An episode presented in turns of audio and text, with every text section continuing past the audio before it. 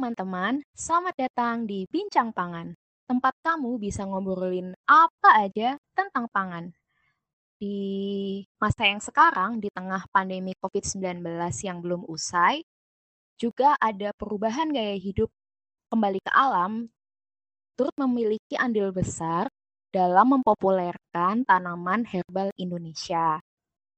Oleh karena itu, banyak dari kita mulai mengkonsumsi tanaman-tanaman tersebut dalam bentuk minuman yang bisa menjaga daya tahan tubuh kita.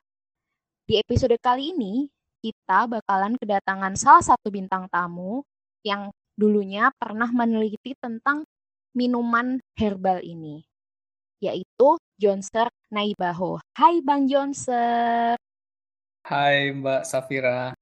Sebelum kita ngomongin minuman herbal nih, uh, boleh perkenalan diri dulu nggak sih, uh, Bang Jonser ini siapa sih sebenarnya?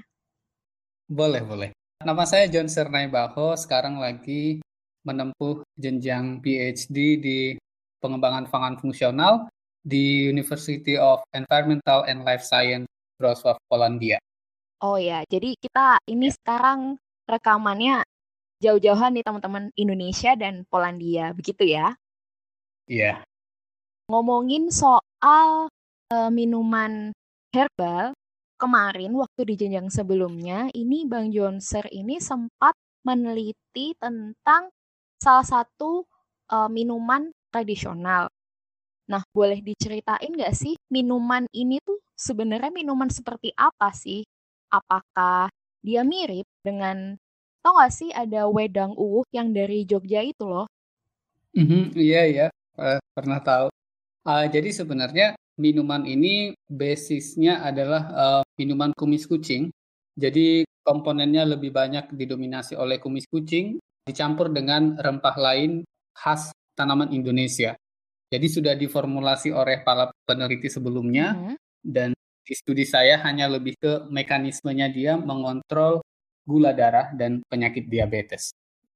Oke, jadi ngomongin soal minuman kumis kucing ya, ini sebenarnya uh, ide awalnya dulu gimana sih? Apakah Bang Johnson ini sudah memprediksi akan ada pandemi sehingga kita butuh nih sesuatu yang menyehatkan seperti ini? wow. Jadi sebenarnya kalau idenya datang dari uh, pembimbing ya. Saya dibimbing oleh seorang profesor yang punya visi jauh ke depan itu punya penglihatan yang luar biasa beliau uh, expert di kimia pangan termasuk uh, bahan tambahan pangan dan kimia flavor. Okay. Jadi memang penelitian-penelitian beliau itu terkait dengan rempah-rempah itu sangat banyak. Penelitian ini sudah sangat banyak dikembangkan mm -hmm. dari tahun 2007. Jadi menurut kenyataannya memang Indonesia kan punya banyak rempah-rempah ya. Betul. Jadi kita tahu bahwa rempah itu mengandung antioksidan yang tinggi. Dan uh, basicnya komponen bioaktif pangan itu sudah banyak diteliti mampu menghambat atau mencegah penyakit uh, non-communicable disease kayak kanker atau diabetes dan lain-lain. Nah, jadi kan tidak mungkin kita suruh warga kita, ayo makan aja rempah banyak-banyak karena rasanya atau aromanya tidak enak. Seorang ilmu pangan kan kita pengennya ini rempah ini gimana biar disukai oleh uh, masyarakat sebagai makanan. Mm -hmm.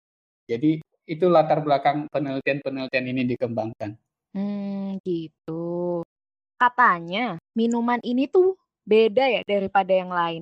Apakah ada teknologi khusus dalam pembuatannya? Iya, uh, jadi dalam pembuatan minuman ini menggunakan nanoteknologi. Uh, minuman ini diproduksi dalam bentuk partikel mikro dan nanometer. Makanya dia disebut dengan mikroenkapsulasi dan nanoenkapsulasi. Jadi enkapsulasi itu merupakan proses di mana senyawa aktif di dalam minuman ini yang tadi antioksidan, dia dilindungi menggunakan senyawa pelindung. Nanti dia diaduk dengan kecepatan yang sangat cepat sehingga dia membentuk seperti cangkang. Nanti si senyawa aktif dalam minuman kita masuk ke dalam kemudian terperangkap di cangkang tersebut sehingga terlindungi. Kalau dibandingin dengan minuman yang tidak diproduksi dengan enkapsulasi, mm -hmm. dia akan berwarna lebih kuning. Sementara minuman yang sudah diproduksi dengan mikro dan nano enkapsulasi itu dia minumannya lebih berwarna bening. Nah, bedanya mikro dan nano enkapsulasi itu adalah jenis pelindung yang digunakan. Kalau untuk nano dia menggunakan uh, material yang khusus yaitu kita gunakan kitosan, senyawa yang kita ambil dari kulit udang. Kitosan ini yang akan melindungi komponen bioaktif dari minuman tersebut. Kemudian setelah dilindungi uh, minuman tersebut dikeringkan menggunakan uh, spray dryer. Mm -hmm. uh, minuman kita itu disemprotkan ke dalam uh, tabung yang panas sehingga minuman tersebut kering dalam hitungan detik. Jadi dalam waktu dua detik dia kering dan jadi bubuk.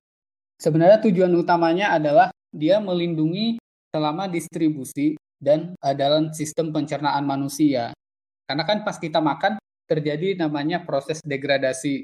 Artinya terjadi penyerapan, apalagi dia mengenai asam lambung, mm -hmm. akhirnya senyawa tersebut akan rusak. Jadi misalnya kalau kita minum senyawa aktif satu liter misalnya, yang masuk ke dalam tubuh, berhasil diserap itu paling mungkin 300 misalnya. Nah, dengan adanya proses perlindungan dengan menggunakan nanoteknologi ini, proses senyawa yang akan diserap oleh tubuh itu bisa jadi lebih tinggi. Itu tujuan utamanya. Hmm, hmm. Jadi, fungsi dari si nanoenkapsulasi ini selain untuk meningkatkan kelarutan, kemudian stabilitas, juga penyerapannya. Begitu kan? Iya, betul. Iya.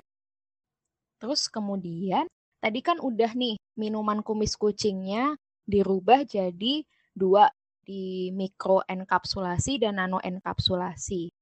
Nah, ini kan Tadi yeah. sudah sempat dijelaskan bahwa minuman ini selain untuk menjaga daya tahan tubuh juga memiliki manfaat kesehatan lain seperti yang tadi sudah disebutkan yaitu anti diabetes. Ini boleh dijelasin nggak sih secara singkat maksudnya ini gimana? Jadi minuman ini kan mengandung komponen bioaktif uh, yang bisa mencegah uh, oksidasi Diabetes itu disebut dengan penyakit uh, metabolisme kronis atau uh, non-communicable disease karena dia terjadi akibat uh, gaya hidup yang tidak baik. Misalnya jenis makanan yang kita makan, pola tidur yang kita uh, kita sehari-hari, rokok dan minuman alkohol itu menyebabkan uh, senyawa oksidan itu senyawa yang sangat reaktif dan sangat beracun itu diproduksi di dalam tubuh.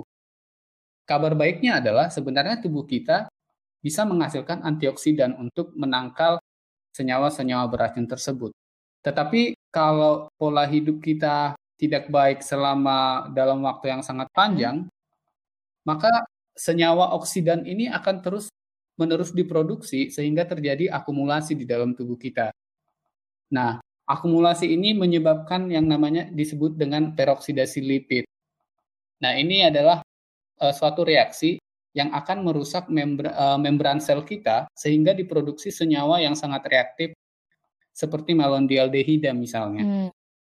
Jadi ini sangat tergantung dengan akumulasi berapa lama akumulasi terjadi di dalam tubuh kita. Nah, perannya minuman ini adalah karena mengandung senyawa sebagai antioksidan, hmm. maka minuman ini akan berperan menangkal radikal-radikal bebas akibat uh, gaya hidup kita yang tidak baik. Hmm. Jadi gaya hidup kita yang tidak baik tadi itu sangat berisiko misalnya penyakit kanker, penyakit diabetes. Makanya dia disebut dengan uh, non-communicable diseases karena memang penyakit yang terjadi akibat akumulasi yang cukup lama. Penyakit ini bisa terjadi tergantung senyawa apa yang dihasilkan selama uh, oksidasi dan organ apa. Makanya ada yang bisa kanker kolon, artinya uh, dia diproduksi merusak organ kolon misalnya atau kalau untuk diabetes dia di pankreas untuk merusak insulin hmm, begitu. Gitu. Makanya uh, hmm. ada dua tipe diabetes kan, ada yang karena insulinnya rusak hmm. atau insulinnya tidak dihasilkan sama sekali. Hmm. Oke.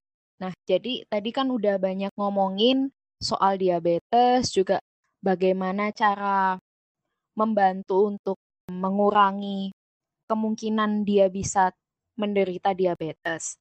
Nah, ini kan masih terkait dengan minuman kumis kucing yang sudah pernah diteliti oleh Bang Johnson.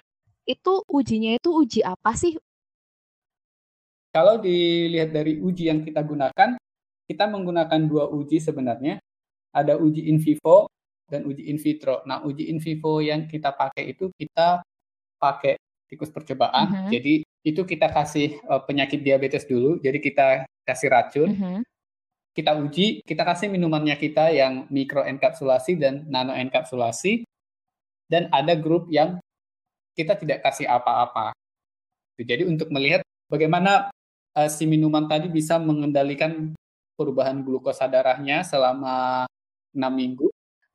Dan juga nanti kita lihat di akhir bagaimana MDA di dalam darahnya apakah jumlahnya sangat tinggi atau bisa ditekan kita bandingkan dengan yang tikus yang tanpa perlakuan tadi. Mm -hmm. Uji in vitro-nya juga sama, jadi kita kasih uh, senyawa untuk menghambat reaksi malondialdehida, mm -hmm. kemudian kita bandingkan dengan uh, vitamin E karena kan vitamin E kan sebagai antioksidan juga ya. Betul. ya. Iya, jadi dalam penelitian ini kita bandingkan kemampuan vitamin E menghambat malondialdehida hmm. dengan kemampuan si minuman yang kita produksi tadi. Untuk melihat perbandingan data yang lebih kira-kira kemampuannya bagus nggak sih gitu. Hmm, hmm, hmm.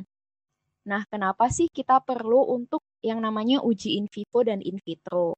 Untuk pembuktian suatu khasiat selain secara empiris atau turun-temurun udah dikonsumsi, sebenarnya dipandang perlu untuk dilakukan secara ilmiah, yaitu dalam skala lab atau in vitro, in vivo di hewan coba.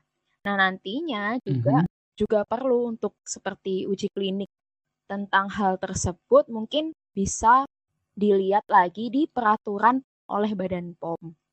Nah, kemudian setelah kita tahu nih tadi di penelitiannya Bang Jonser sudah melakukan yang namanya uji in vivo dan uji in vitro. Untuk hasilnya mm -hmm. sendiri itu gimana sih Bang? Maksudnya dari masing-masing ujinya itu hasilnya seperti apa? Kemudian dari minuman kumis kucingnya ini bagaimana dia berpengaruh sih terhadap tikus juga secara di uh, kimia di lab? Boleh dijelasin? Jadi kan seperti yang tadi Safira udah sebutin ada in vivo, ada in vitro. Kalau in vivonya kan kasih minuman mikro dan nano enkapsulasi ini baru kita lihat dari percobaan kita kita mengamati tiga parameter utama yaitu glukosa darah ya karena dia perannya sebagai anti diabetes kita tahu glukosa darahnya kan sangat tinggi ya kalau penyakit diabetes. Betul. Kemudian perubahan berat badan juga dialami oleh orang-orang yang mengalami penyakit diabetes karena dia berat badannya menurun. Mm -hmm. Nah, kemudian kita masuk ke tahap analisis MDA di dalam darah. Mm -hmm. Nah, jadi tikus yang kita kasih diabetes ini glukosa darahnya langsung di atas 200. Yang kita lihat dari treatment ini adalah bagaimana perbedaan minuman uh, mikro enkapsulasi dan nano enkapsulasi ini menekan perubahan darah dan perubahan berat badan bahwa sebenarnya kedua minuman ini mampu menekan fluktuasi perubahan glukosa darah. Naiknya glukosa darah ini kita bandingkan dengan kelompok tikus yang tanpa pemberian minuman, itu glukosa darahnya memang masih naik. Setiap minggu dia masih terjadi penaikan, tapi naiknya tidak setinggi yang tikus tanpa perlakuan tadi. Kita bisa melihat bahwa minuman ini ternyata bisa mengendalikan kenaikan glukosa darah. Artinya kan minuman ini bukan untuk mengobati diabetes ya, tapi hanya untuk menekan efek dari diabetes ini. Kemudian yang kedua adalah dari perubahan berat badan. Nah, jadi uh, tikus yang diabetes ini memang berat badannya langsung turun drastis pada mulai minggu kedua. Khususnya yang minuman nano enkapsulasi sebenarnya uh, berat badannya turun minggu kedua nih. Tapi minggu keempat berat badannya mulai stabil sampai minggu ke-6. Sementara kelompok tikus yang tanpa minuman ini, dia sampai minggu ke-6 turun terus. Kalau kita terusin perlakuannya sampai ke dua atau tiga bulan lagi, kita tidak tahu apakah minuman ini bisa kembali menaikkan berat badan tikus tadi. Itu belum tahu, masih menarik sebenarnya. Kemudian ada yang ketiga itu adalah di MDA-nya di di dalam darah. Jadi MDA-nya memang sudah sangat tinggi, hmm. itu udah di atas standar. Artinya memang sudah terjadi produksi senyawa toksin. Si minuman ini ternyata e, berhasil menekan produksi MDA ini. Jadi artinya memperlambat produksi MDA. Jadi kita bisa melihat bahwa ternyata efeknya minuman ini dia berhasil mengontrol glukosa darah dan berat badannya itu melalui penghambatan produksi MDA. Nah, kita bantu dengan data uji in vitro tadi. Apakah memang sinkron ya secara in vitro dan in vivo gitu. Mm -hmm. Nah, kita kasih perbandingannya vitamin E waktu itu.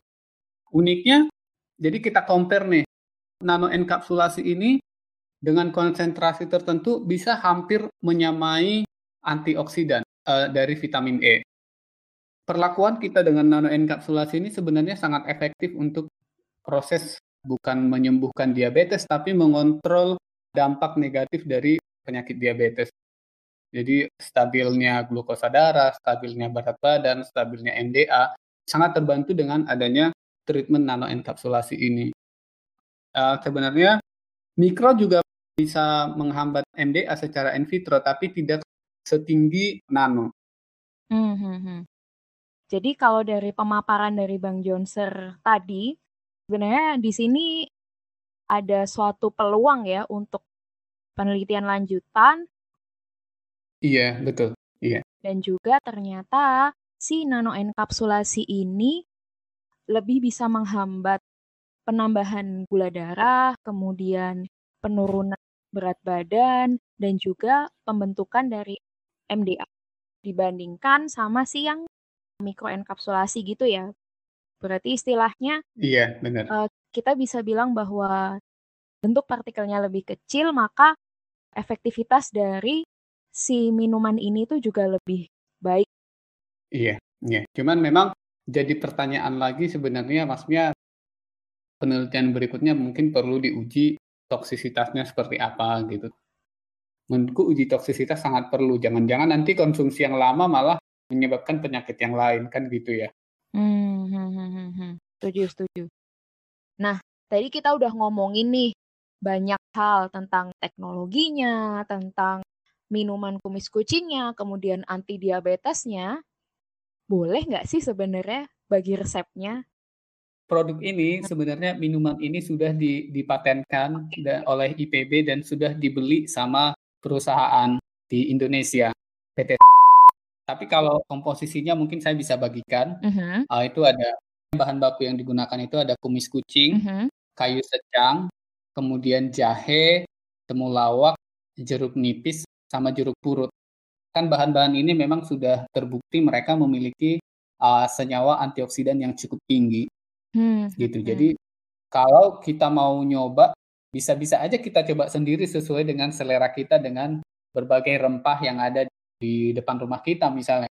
Iya, betul betul betul. Apalagi sekarang kan udah mulai banyak kan ya gaya hidup yang kembali ke alam. Jadi Iya, bisa back to nature ya. Betul. Jadi mungkin bisa kali ya teman-teman hmm. nyoba-nyoba nih uh, mau mau yes. bikin minuman yang seperti apa dan dari bahan apa kayak gitu kali ya.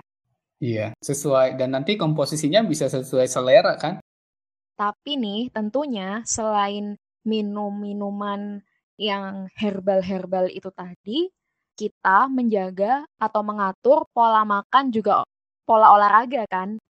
Iya betul, pasti. Karena kan kita tahu ya, uh, gaya hidup yang tidak baik, makanya tadi saya sebutkan ada istilah uh, non-communicable diseases ini. Jadi ini sebenarnya penyakit akibat gaya hidup yang tidak baik selama bertahun-tahun. Apalagi zaman sekarang tidak kenal usia. Iya, iya, iya.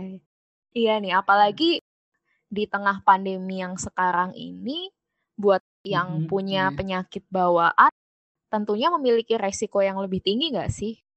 Iya, betul. Ya udah kita tahu sendiri ya, maksudnya COVID-19 yang sekarang orang-orang yang sudah memiliki penyakit bawaan atau orang tua yang sudah rentan dengan penyakit, ya mereka sangat beresiko kan, hmm. gitu. Jadi ya menurut saya sih gaya hidup yang paling utama.